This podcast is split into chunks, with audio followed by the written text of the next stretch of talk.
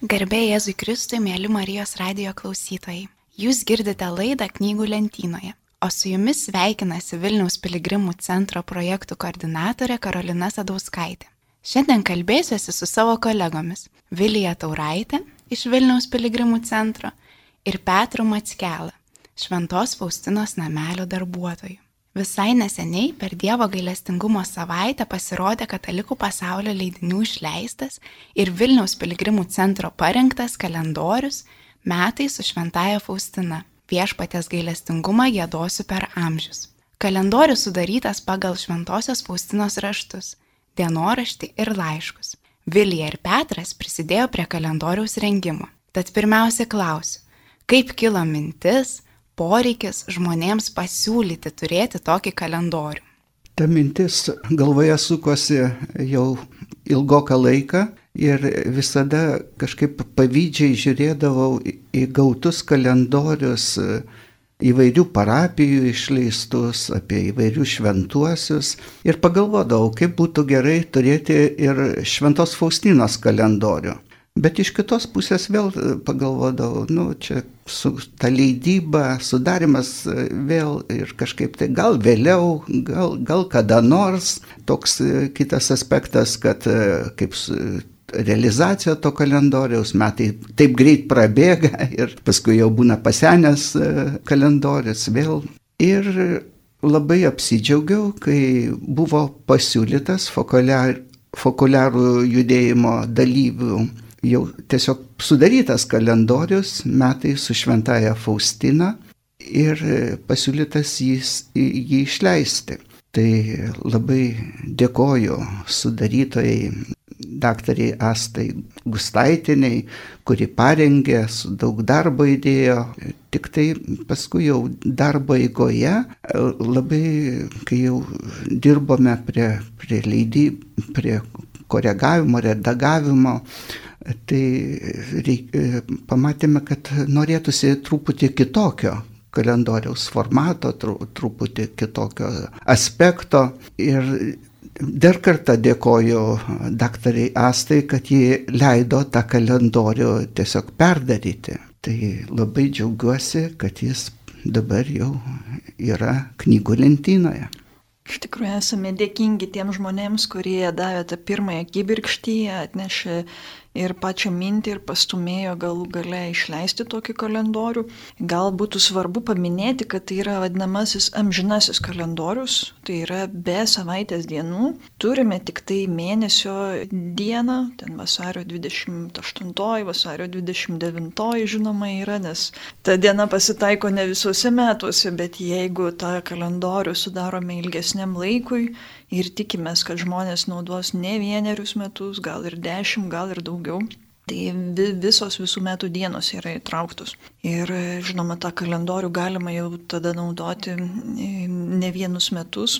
Ir pasisemti tokios šventosios Faustinos išminties. Ir kai pradėjome pusę lūpų užsiminti, pažįstamiems, draugams, iš bendruomenių žmonėms, kad galbūt išeis toks kalendorius, kad vyksta jo toks gimimo procesas. Tai iš karto sulaukdom labai entuziastingos reakcijos. O kaip puiku, nes iš tikrųjų tie šaltiniai, kur, iš kurių sėmėme citatas parinkdami šiam kalendoriui, Šventojios Faustinos dienoraštis, jos laiškų knygelė, yra pakankamai didelės apimties vis tik raštai. Lietuvių kalba Šventojios Faustinos dienoraštis daugiau negu 400 puslapių. Dar taip pat neplonas ir laiškų rinkinėlius. Tai ne kiekvienas žmogus gali sauliaisti tiek perskaityti, juo labiau, kad ypatingai dienoraščio tekstas, jis yra ir teologiškai, ir mistiškai toks labai sodrus. Ir ne, ne vieną žmogų girdime sakant, kad sunku netgi prieiti prie to teksto ir jį taip skaityti ištisai. Tai galbūt ir palengvinimas susipažinti su Šventojios Faustinos paveldu, gal ne vienas girdi, pač gyvendamas Lietuvoje ir ypatingai Vilniuje, Šventoji Faustina, Šventoji Faustina, kažkur yra jos gyventos vietos, kažkur jos kažkokie vis pėtsakai, gailestingumo vainikėlį kasdien kalbame, gal ir Šventojios Faustinos malda, o tuo tarpu susipažinti su jos mintimi ne kiekvienam yra lengva. Tai tiesiog manome, kad tas kalendorius yra toks geras palengvinimas su trumpomis mintimis, tokiom kaip, kaip strėlytė mažom ar tokia, pavadinčiau gal ir piliulė, tokios šventosios išminties, kurią gali ar ryte, ar gal iš vakaro pasiskaityti ir dienai gauti tokią porciją, tiesiog na, už, užtaisėlį tokį dieviškos išminties. Ir galiausiai per tą kalendorių tikrai galim bėgant metams, diena iš dienos vis geriau pažinti šią šventąją. Tikiu, kad taip pat gyventi ir didesnėje vienybėje su Dievu, nes vis tik šios šventosios išmintis pateikiama yra labai gili, jos bendravimas mistinis su Dievu be galo gilus. Tai net ir tos trumputėlės ištraukos tikrai gali duoti tokį na, gana stiprų impulsą dar artimiau bendrauti su Dievu.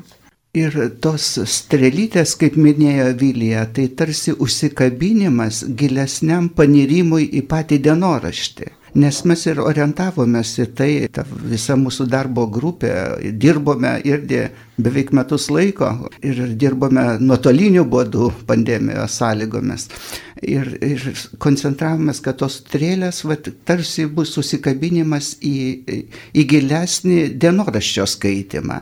Nes dažnas, oi, stora knyga, tiek daug ir, ir sunkiai skaitoma knyga, nes pats dienoraštis irgi yra ta chronologinė tvarka truputį suardyta. Tai va čia tas bus akstinas labiau pažinti Faustinos mums per, per Faustiną perduotą mokymą apie Dievo gailestingumą, pačią Faustiną. Ir dar, kaip ir Vilija minėjo, tai yra amžinasis kalendorius. Tai vėlgi puikiai dovana, puikiai dovana, nes ši dovana niekad nepasens. Minite Šventosios Faustinos dienoraštį ir iš tiesų tai yra ypatinga knyga, kurios dalis parašyta čia, Vilniuje. Tai gal galite klausytojams priminti, kokia yra šios knygos atsiradimo istorija ir kodėl mums tikintiesiems iš tiesų yra svarbu šią knygą skaityti, prie jos prieiti ir galbūt pasidalinti, kada patys atradote dienoraštį. Šventos Faustinos dienoraštis gimė kunigo Mykolas, palaimintojo kunigo Mykolas Opočkas dėka, nes 1933 metais, beveik šiuo metu, gegužės 25 dieną atvykusi į Vilnių ir po kelių dienų Faustina, eidama iš pažinties, atpažįsta kunigą, kurį Jėzus jai pažadėjo kaip dvasinį vadovą ir pagalbininką, realizuojant iškeltus gailestingumo žinios uždavinius uždavinius. Tai Faustinos tos išpažintės e, buvo labai ilgos. Kuningas Mykolas Opočka, būdamas be galo darbštus susėmęs žmogus, jis paprašo Faustinos, kad visa, ką jį girdi, ką mato, apie ką kalbasi su Jėzumi, o ypatingai, ką Jėzus sakas, kad visa tai būtų užrašyta. Nuperka į porą sasiuvinėlių ir Faustina pradeda rašyti. Karts nuo karto Faustina, nu kaip jį rašo slaptoje ir jai priebėgomis ir kartais jinai tiesiog dėl laiko stokos ar, ar šiaip negalvodama gal tai, kad tai labai svarbu, ne, neužrašo. Ir nekarta, vad skaitant dienoraštį, galima rasti tas vietas, kad Jėzus pats primena Faustinai, kad apie tą pareigą rašyti dienoraštį. Ir tokiomis sąlygomis e, pradėjo Faustina rašyti. Buvo ir toks įvykis, kad e, pirmosius du sąsvinius Faustina sudegino. Vizijos metu mato angelą, kuris įsakmei liepia jai tai padaryti ir ji net pažįsta, kad tas angelas su ragais ir paklūsta, spontaniškai įmeta dienoraštį į krosnį, o vėliau kuningas Mikolas Sopočka liepia viską atgaminti, atrašyti tai, su, surašyti tai, kas prarasta, kas sunaikinta. Ir jau būdama Lenkijoje, Faustina e, prisimena, kas buvo Vilniuje ir užrašo, įterpia. Ir tokia chronologija suardyta, bet e, labai padeda e, dienoraščio gale paaiškinimai. Reikia skaitant dienoraštį visada į juos pasižiūrėti ir tai padeda suprasti ir įsigilinti. O kaip Petrai ar Vilija jūs patys, kada pirmą kartą perskaitėte dienoraštį, kaip atradot tą knygą? Na, nebuvo lengva man prisėsti prie šios knygos, todėl labai gerai suprantu daugelį žmonių, kurie sako, kad nelengva įkipti dienoraštį. Tai man pasirodė labai toks tekstas sodrus, labai gilus ir paskaičius jau vien mažą jo ištraukėlę, pastraipėlę, tiesiog užtekdavo ir, ir jausdavais tikrai dvasiškai pasisotinusi jausdavusi. Maždaug prieš gerą dešimtmetį pirmas iki skaičiau dienoraštį ir užtruko ko gero beveik gerus metus, kol aš jį perskaičiau taip po mažutėlį gabalėlį kasdien vakare. Gal jau net panašiai kaip ir kalendorius principas sudarytas, ne? bet e, jaučiau, kad tai keičia ir mano supratimą apie kai kuriuos dvasinius dalykus. Manau, kad tiesiog negali nekeisti, yra per stipri knyga. E, nors gyvenau Vilniuje ilgą laiką, bet neišsyk teko susipažinti ir su Šventaja Faustina, ir su jos dienoraščiu, su jos gyventomis vietomis. Bet žinoma, tai yra vienas iš svarbių dalykų Vilniui, kad dienoraštis buvo pradėtas rašyti būtent šiame mieste. Galime grįžti prie kalendoriaus ir įdomu, kaip sekėsi atrinkti citatas kalendoriui, kokiu atrankos principu vadovavotės. Gal vieną dalyką tokį iškelčiau, kad kai skaitome dienoraštį, sakyčiau, kad gal vienas iš dalykų, dėl kurių yra nelengva įskaityti, yra tai, kad tai yra skubančio žmogaus rašytas tekstas. Ir tai galima gerai, gana gerai jausti, dėl to, kad jis yra labai supintas ir iškelti kažkuria citatą, frazę, iškirpti iš to teksto yra pakankamai nelengva. Matosi, kad tai yra tiesiog nesąmonės rautas ir žmogus skubėdamas, turėdamas kažkokią atliekamą minutę, greitai, greitai, greitai, greitai surašė viską. Ir išpinti iš to tokio labai, na, tiesiog supinto teksto yra ganėtinai nelengva. Gal dar vienas dalykas, vėlgi tas chronologijos trūkumas ar ne. Vienas iš principų, kurio rėmėmės, tai buvo, kad stengiamės parinkti įrašą, kuris būtų artimas pačios citatos užrašymo datai. Ir kaip jau šiek tiek minėjo Petras, buvo gana suvelta chronologija dienoraščio ir tokie yra ypatingai pirmojoje dienoraščio dalyje. Tiesiog atsiminimai iš ankstesnių laikotarpių, apskritai datos neužrašytos. Tai atrinkti kažkokį įrašą, kurio data būtų gerai ir tiksliai žinoma, buvo pakankamai didelis iššūkis. Kitas principas, kurio rėmėmės, kadangi ne visas dienas buvo galima užpildyti būtent tiksliai tą datą atitinkančiomis citatomis, buvo bažnyčios liturginių metų ciklas. Šventoji Faustina nebejotinai buvo bažnyčios dukra ir nesikita pabrėžė ir savo dienorištyje, kad jai labai svarbu ir, ir be abejo būdama vienuolė, ji tikrai gyveno bažnyčios gyvenimo ritmu. Tai vėlgi atsižvelgiame į tai, kad yra adventas, kad yra gavenė, kad yra Velykų laikas. Pavyzdžiui, gegužės mėnesiui tas dienas, kuriomis nėra tikslę datą atitinkančių citatų, parinkome švenčiausiai mergeliai Marijai, labiau skirtas citatas Birželio mėnesį, švenčiausiai Jėzų širdžiai, pagal katalikų bažnyčios tradiciją. Taip pat įdėjome ir liturginių metų šventės, ar, ar švenčiausiai mergeliai Marijai skirtas, ar, ar tiesiog viešpaties Jėzaus šventės, šventųjų kai kuriuos minėjimus, kiek tai įmanoma. Ir galiausiai vienas dar dalykas, tai pačios šventosios Faustinos gyvenimo datos svarbios. Pavyzdžiui, gimimo data, krikšto data, galiausiai mirties data, paskelbimo palaimintąją, šventąją. Ir vėlgi, kadangi esame Lietuv, Lietuvoje, kalendorius išleistas lietuviškai, tai atsižvelgėme ir į tą gyvenimo tarpsnelį, kurį Šventoji Faustina praleido Vilniuje, tai atvykimo į Vilnių datomis, išvykimo iš šio miesto datomis, taip pat įdėjome tam pritaikytus įrašus. Ir labai dar toks svarbus dalykas, kad sudarant kalendorių ir redaguojant jį, tai e, Emilijos Karčevskos įnašas, e, kai ji irgi stengiasi kuo daugiau parinkti e, pradžioje dar citatų iš Vilniaus laikotarpio, kad būtent vat, atspindėtų tą, tą Vilniuje praleistą laik, Faustinos gyvenimo laikotarpį Vilniuje. Ir kalendorius e, jau yra pardavime, parduodamas ir noriu pasidžiaugti, kad labai populiarus. Pavyzdžiui, Faustinos namelėje jį, jį labai perka Ir galiu pasakyti, kad tiražas nėra didelis, tai, tai kažkai ar visi suskups įsigyti. Ir dar, dar viena tokia mintis būtų, kad būtų gerai, kad jis būtų išverstas ir į lenkų, ir į anglų kalbas. Tai gal irgi tok, tokia idėja ateičiai.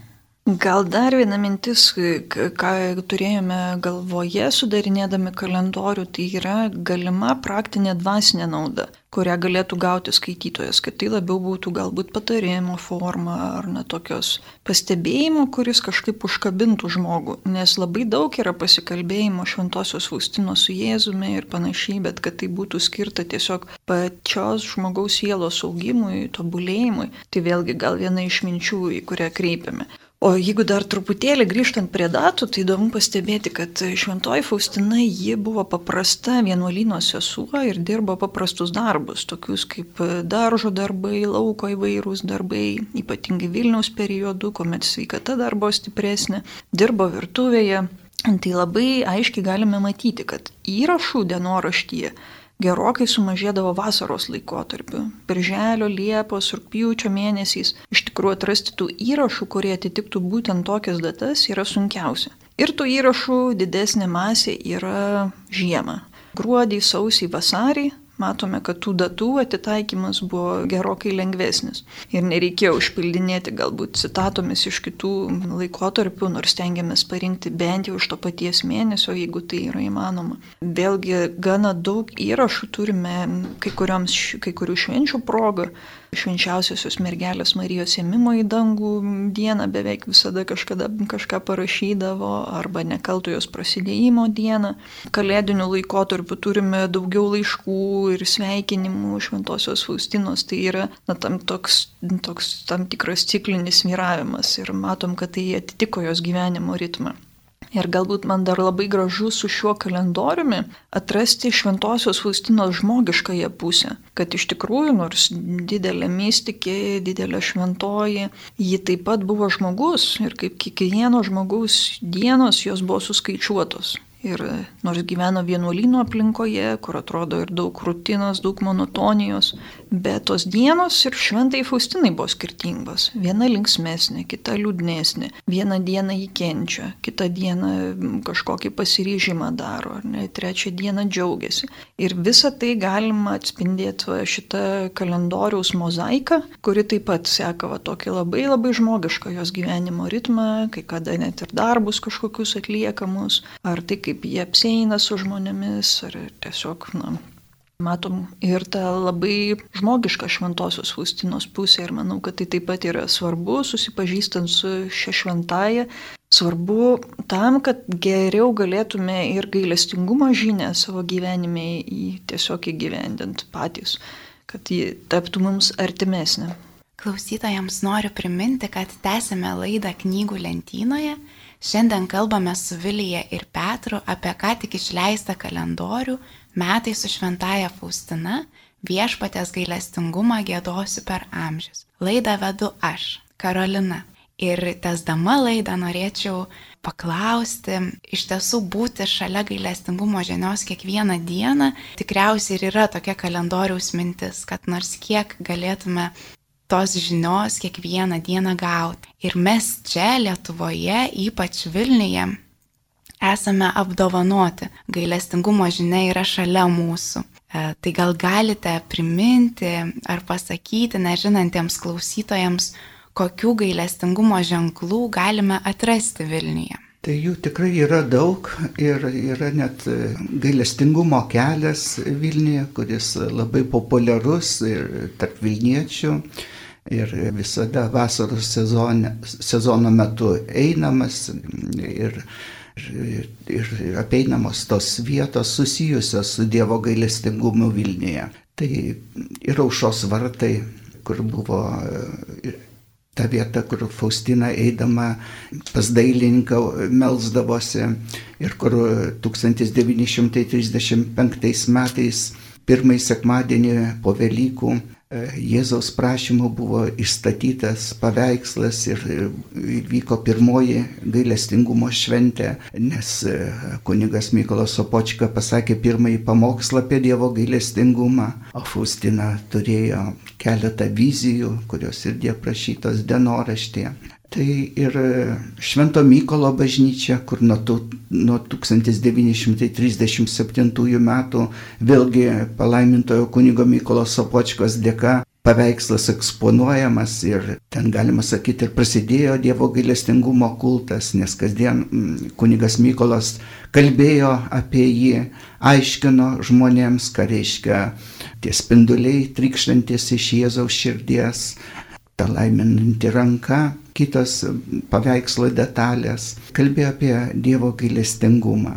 Ir ten pirmieji votai atsirado, pirmieji stebuklai vyko melžiantis prie to paveikslo. Tai Rasų gatvėje išlikęs namelis, kur buvo tapomas paveikslas, Tai ir gailestingumo šventovė, kur dabar yra gerbiamas gailestingumo paveikslas. Tai ir Faustinos namelis Antakalnyje, kur e, buvo padiktuotas gailestingumo vainikėlis, kur Faustina pradėjo rašyti dienoraštį. Ir kitos vietos, e, kurios tikrai yra susijusios su Dievo gailestingumu Vilniuje. Na, iš tikrųjų, Vilnius e, šiek tiek išskirtinis miestas Šventojios Faustinos gyvenime. Kaip vienuolė žinome, kad ji buvo labai daug siuntinėjama po įvairius vienuolynus ir Lenkijoje taip pat daug vietų aplankiusi. Ir žinoma, tai yra ir išliks Lenkų šventoji, ir Lenkijos šventoji. Netgi ir Vilniaus regionas tuo metu priklausė Lenkijai, kaip prisimename. Tačiau yra labai svarbių momentų, kurie įvyko būtent Vilniuje šventai Faustinai būnant. Kaip minėjau, jie labai dažnai siuntinėdavo iš vieno vienuolyno į kitą. Tai Vilniuje turime patį ilgiausią jo stabiliai pragyventą laikotarpį vienoje vietoje. Ir kaip jau kolega Petras suminėjo daugelį svarbių įvykių, kurie čia yra atsitikę ir gailestingumo vainikėlius padiktuotas ir Dievo gailestingumo paveikslas nutapytas. Apie 80 Jėzaus apsireiškimų patvirtintų bažnyčios, kuriuos šventoji Faustina patyrė gyvendama Vilniuje. Vėlgi pirma, kad ir neoficiali, bet įvykusi Dievo gailestingumo šventė, galima sakyti, kuomet Dievo gailestingumo paveikslas buvo pirmą kartą viešai išeksponuotas prie užros vartų, kuomet Palaimintasis Mykolas Opočka sakė pamokslus apie gailestingumą. Taip pat dienoraštis pradėtas rašyti Vilniuje, maždaug trečdalis jo Vilniuje yra parašyta. Tai tokie labai svarbus momentai, kurie įvyko būtent šiame mieste ir galime sakyti, kad tikrai Vilniaus miestas yra pažymėtas šios žinios. Petrai, o jūs nuo pat Šventojios Faustinos namelio atverimo žmonėms pradžios ten darbuojatės. Gal galit papasakoti, tikriausiai dažnai kasdienybėje pasakojat lankytojam, koks buvo Faustinos e, gyvenimo dienų Vilniuje ritmas. Faustina vienuolyjoje priklausė taip vadinamajam antrajam e, chorui. Tai buvo, e, kaip sakau, juodadarbių tokia juodadarbių darbininkų fizinių darbininkų dalis, kurios dirbdavo tos ūkinius darbus. Ir e, Vilniuje gyvendama Faustina buvo sodininkė, daržininkė. Atvyko jį nemok, nelabai išmanydama šios darbus. Žinoma, buvo gimusi kaime, žinojo žemės darbus, bet tas subtilybės jinai e, stebėtinai iš, įgyjo čia būdama Vilniuje. Ir e, skaitant dienoraštį vėlgi susidaro įspūdis, kad jie padėjo jie Jėzus, nes juo be galo pasitikėjo, tikėjo ir pasiekė kartais net stulbinamų rezultatų. Toks dalykas net yra užfiksuotas, kai e, miesto valdžios ponios vizitavo vienuolyną, vaikščiojo po teritoriją, tai vyresniai pasakė, kad jūs turite labai gerą sodo specialistę, nes viskas taip bujoja, taip išpuoselėta. Ir, ir tai buvo kaip pagirimas Faus, šventai Faustinai. Ir jos darbo ritmas toks buvo, ypač vasarą, tai sunkus Nes e, vienu metu vienolyje turėjo penkių hektarų teritoriją. Už namelio iki pat miško buvo didžiulis sodas ir daržai, kuriuos reikėjo prižiūrėti. Aišku, jai pagelbėdavo gailotojas, merginos, kurios gyveno vienolyjos prieglaudoje. Bet vėl toks įdomus dalykas, kad Faustina į pagalbą siūsdavo penkias, septynes merginas, kaip anks, prieš ją dirbusiai daržininkai, siūsdavo net iki penkiolikos merginų. Tai vėl Faustina turėjo e, e, suktis ir sparčiau, nes kartais tos merginos, būdamas tokio, švelniai tariant, sunkaus charakterio, nelabai ir norėdavo e, dirbti ir atsikalbinėdavo, visko būdavo. Bet Faustinos pavyzdys, kantrybė ir malda padarydavo savo. Ir dar toks įdomus dalykas, kad Faustinai pagalbą siūsdavo pačias nepaklusniausias, sunkiausiai suvaldomas merginas. Ir tuomet tos e, vienuolės iš pirmojo choro, kurios rūpinosi tų merginų ir vienuolių tobulėjimo, auklėjimo, labai stebėdavosi, kaip ta Faustina juodadarbė, nebeisilavinimo, kaip jinai sugebėdavo perkeisti tas merginas, kurios vakare po darbo grįždavo romios, paklusnios ir tiesiog visai kitokios. Tai ir e, rašyti dienoraštį Faustinai buvo gan keblu, nes ji rašė slaptoje, e, apie dienoraščio rašymą žinojo tik jos dvasios e, nuodėm klausiai, vadovai, kunigas Mikolas Opočka ir tėvas Andrašas, taip pat ir vyresniosios. Kitos dvi vienuolės nežinojo ir joms ir vienuolyjai kongregacijai buvo didžiulis šokas, kai po Faustinos mirties buvo paskelbta, parodytas Faustinos dienoraštis. Faustina tuo metu gyveno vienolinė, kur buvo regula tokia tvarka, kad e, seserys gyveno po kelias vienoj patalpoj. Ir pato kambariai būdavo perskirti širmomis, tos celės atskirtos širmomis, paklodėmis. Ir dažnai seserys iš po, po paklodės klausdavo, Faustina, ką tu ten dar rašai? Ji turėdavo užversti, slėpti tą dienoraštį. Ir paskui net skundėsi Jėzau. Sako, Jėzau, tu matai, kaip man sunku rašyti tą dienoraštį, kurį man liepė rašyti. Bet iš paklusnumo, iš nuolankumo jį tai darė toliau. Tai tie darbai buvo įvairūs ir daržuose, ir virtuvėje, ir jau kai sveikata silpo, tai ir durininkė dirbo, bet visada ji dirbo ir labai vertino tą, tą, tą darbą. Taip, iš tiesų galime priminti klausytams, kad Šventojios Faustinos namelį esame kviečiami aplankyti. Jis dirba kiekvieną dieną nuo 10 iki 17 valandos, o 15 val. jame kiekvieną dieną melžiamasis Dievo gailestingumo vainikėlis. Ir Sesės, e, sesers Faustinos kanonizacijos dieną popiežius Jonas Paulius II Vilniaus, Varšuvos, Plotsko ir Krokuvos gyventojus pakvietė į ypatingą misiją. Jis sakė, šiandien išvardindamas tuos miestus, kurių globėja yra naujoji šventoji, jų gyventojų ypatingam rūpešiui patikiu Dievo gailestingumo apaštalavimą. Gal esate apmastę, kaip apaštalauti mums, e, Vilniečiams, kaip patys tengiatės nešti šią žinią?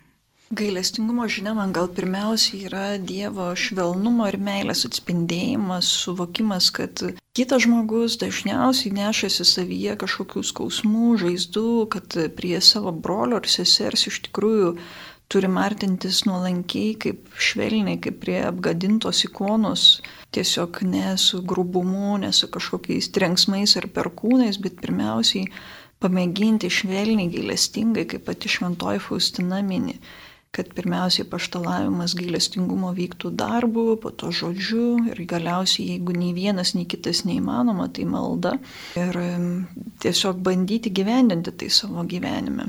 Jeigu žiūrėti tokį gailestingumo žinios klydimą, nors Vilnius iš tikrųjų ir Lietuva buvo svarbus Šventojios Faustinos gyvenime ir Dievo gailestingumo žiniai, sakyčiau, kad bent jau sovietinis laikotarpis buvo pristabdęs galimybės plisti tai žiniai būtent iš šio krašto, iš mūsų Lietuvos. Ir tuo laikotarpiu kiek daugiau pasidarbavo mūsų broliai Lenkai, kur taip pat Šventoji Faustina gyveno ilgą laiką ir kur gailestingumo žinia, iš kur tikrai sklido garsiai ir plačiai, bet šiuo laiku, kai jau ir, turime tiesiog visą laisvę skelbti Dievo gailestingumo žinę, matome, kad tikrai įsibėgėja ir tos žinios klidimas iš Lietuvos, tikrai daug piligrimų iš viso pasaulio atvyksta iš tolimiausių kraštelių aplankyti šios vietos, kur šventoji Faustina gyveno būtent Vilniuje, pasidomėti kaip čia buvo nutapytas Dievo gailestingumo paveikslas, kokie žinia iš čia sklinda. Tai manau, kad ir balsas iš Lietuvos vis garsiau skamba Dievo gailestingumo žinios plitime pasaulyje būtent. Taip, ir dabar būtent e, šito paveikslo šlovės metas. Kaip Vilė sakė, sovietmečiu jis buvo e, tiesiog irgi e, nelabai žinomas, buvo tarsi slaptoje, galbūt Jėzus jį specialiai ir saugojo ten, tam mažame Baltarusijos kaimelėje, kad jis nebūtų sunaikintas, O dabar matau, kaip e, atvažiavę iš kitų kraštų piligrimai e, perka, vežasi, siunčiasi e, mūsų paveikslo kopijas.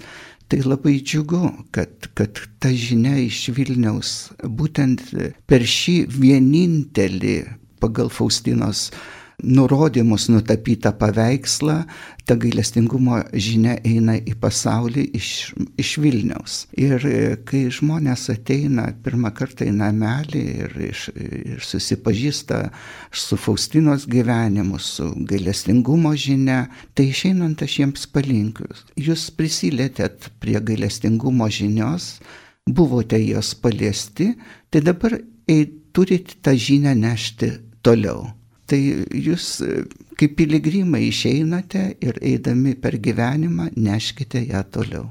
Pabaigai grįžkime prie kalendorius. Tikriausiai rengdami ne kartą perskaitėte visą kalendorių ir turite dieną kalendoriuje ar kelias dienas, kelias mintis, kurios jums dabar yra palietusios širdį, yra kalbančios. Gal galit pasidalinti tomis citatomis?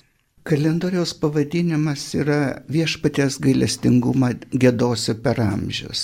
Tai šita Faustinos mintis, man atrodo, buvo labai svarbi jai pačiai, jai gyvenant, svarbi dabar.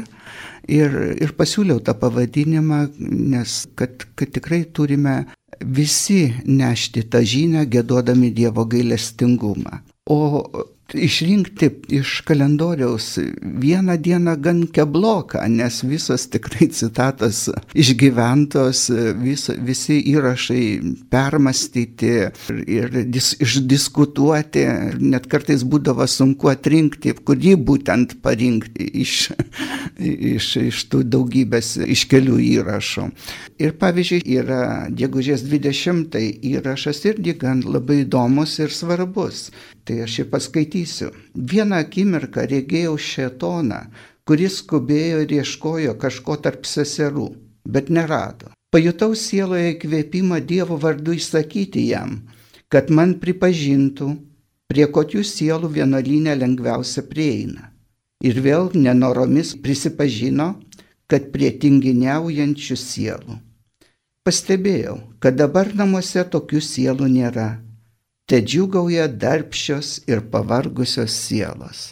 Nu va, kokie, koks gražus Faustinos pastebėjimas ir manau aktualus ir mūsų laikams. Reikia atsiminti, kad šetonas nemiega ir, ir ieško tų tinginiaujančių sielų ir ne tik vienuolynę. Aš gal keletą citatų paminėčiau ir vieną iš jų balandžio 30 dienos, tos dienos, kai Šventoji Faustina buvo jau paskelbta šventąją 2000 metais, balandžio 30 dieną. Ir žinoma, anksčiau ir, ir ne tą pačią dieną, bet Šventosios Faustinos buvo užrašytas toks tekstas. Žinome, kad Šventoji Faustina turėjo daugybę dvasinių dovanų ir ne viena iš jų buvo ir pranašystė, turėjo ir bilokacijos dovaną, buvimo keliose vietose vienu metu. Tai čia galime būtent matyti na jos tokią pranešišką viziją, kurią užrašė. Staiga mane užliejo Dievo artumas ir netikėtai pasijutau Romoje, Šventojo tėvo koplyčioje, o Šventojo tėvo ir visos bažnyčios iškilme buvo glaudžiai susijusi su mūsų koplyčia ir ypatingu būdu su mūsų vienuolyje. Ir vienu metu dalyvavau iškilmėse Romoje ir pas mus. Kadangi šios iškilmės buvo taip glaudžiai susijusios su Roma, kad ra, nors rašau, negaliu atskirti, bet taip kaip yra, tai yra kaip regėjau. Ir matome iš to paskutinio sakinio tiesiog šventosios Faustinos pačios sumišimą, kad ji mato kažkokią situaciją, kurios pati net negali suprasti, kažkokį įvykį, kažkokią šventę, iškilmę, kuri vyksta vienu metu ir Romoje, ir Lagievnikose prie Krokovos, kurios vienuolyje buvo. Tai ir tiesiog pati negali suvokti tos situacijos. Ir labai įdomus dalykas, kadangi šventoji Faustina buvo kanonizuota Mums dabar jau labai gerai suprantama technologija, pasitelkiant teletiltą ir iškilmės vyko lygiai grečiai ir Romoje, ir Lagievnikose, būtent Šventosios Faustinos vienuolynė. Tai mums žiūrint iš šio laikmečio visų technologinių pozicijų, mums viskas labai aišku. Tuo tarpu Šventai Faustinai žinoma, kad tokia netikėta, nesuprantama vizija na, buvo visiškai neaiški, bet jie užrašė pažodžiu taip, kaip suprato. Ir labai įdomu, kad vat, galim ją įdėti būtent į jos paskelbimo šventąją dieną. Na, tiesiog toks gražus dalykas, pranašiška vizija, kurios ji pati tuo metu nesuprato, o mums tai yra jau visiškai kitaip prabyla. Man dar labai gražios citatos, tiesiog tokios konkrečios, praktiškos, kur tikrai galima pasisemti kažkokios praktinės naudos. Vieną gal paskaityčiau iš kovo 21 dienos. Tai yra iš Šventosios Faustinos laiško seseriai Justinai Golofit. Ji rašo, tuo metu tai jau buvo artėjantis Velykinis laikas. Ir šios seserys taip pat dirbo ir virtuvėje, ruošė įvairius patiekalus šventams. Taigi šventoji Faustina rašo, tikriausiai seserėlė turi daug darbo per šventes. Juk žinome, kad ne vien tik malda, bet ir darbu šloviname Dievą. Tegul kiekvieną širdies virptelėjimą šlovina viešpatį. Na ir šiuo metu dar prisipažinsiu viena citata, artima man tokia iš laiško kunigui Mykolui Sopočkai iš gegužės 7 dienos, kuomet ją įdėjome į kalendorių. Tai yra apie ištikimybę bažnyčiai ir apie klusnumą bažnyčios tiesiog vadovaujantiesiems, vyresniesiems, nors kartais ir nesuprantant jų pozicijų. Tai labai gražus klusnumo pavyzdys, kuris galiausiai duoda gerų vaisių viešpatyje. Šventoji Faustina rašo taip palaimintajam kunigui Mykolai Sopočkai laiškė. Esu ištikima bažnyčios duktė ir ne per nago juodimą neatsitrauksiu nuo šventojo klusnumo. Jei arkivyskupas nedavė leidimo, tai ir aš turiu mažesnę atsakomybę prieš Dievą ir nieko pati nedarysiu, kol nesusidarys tinkamos išorinės sąlygos, kurios bus įrodymas, kad Dievui to reikia. Paklusnumas, nuolankumas, tylos e, Faustinai buvo labai svarbios savybės ir tai atsispindi ir kalendorijoje. Ačiū iš pasidalinimą, tikiuosi, kad e, įkvėps klausytojus atsiversti ir kalendorių, ir dienoraštį. O laidą šiandien jau baigiame. Čia buvo laida knygų lentynoje, kurioje dalyvavo Petras Matskela ir Vilija Tauraitė. Ačiū pašnekovams.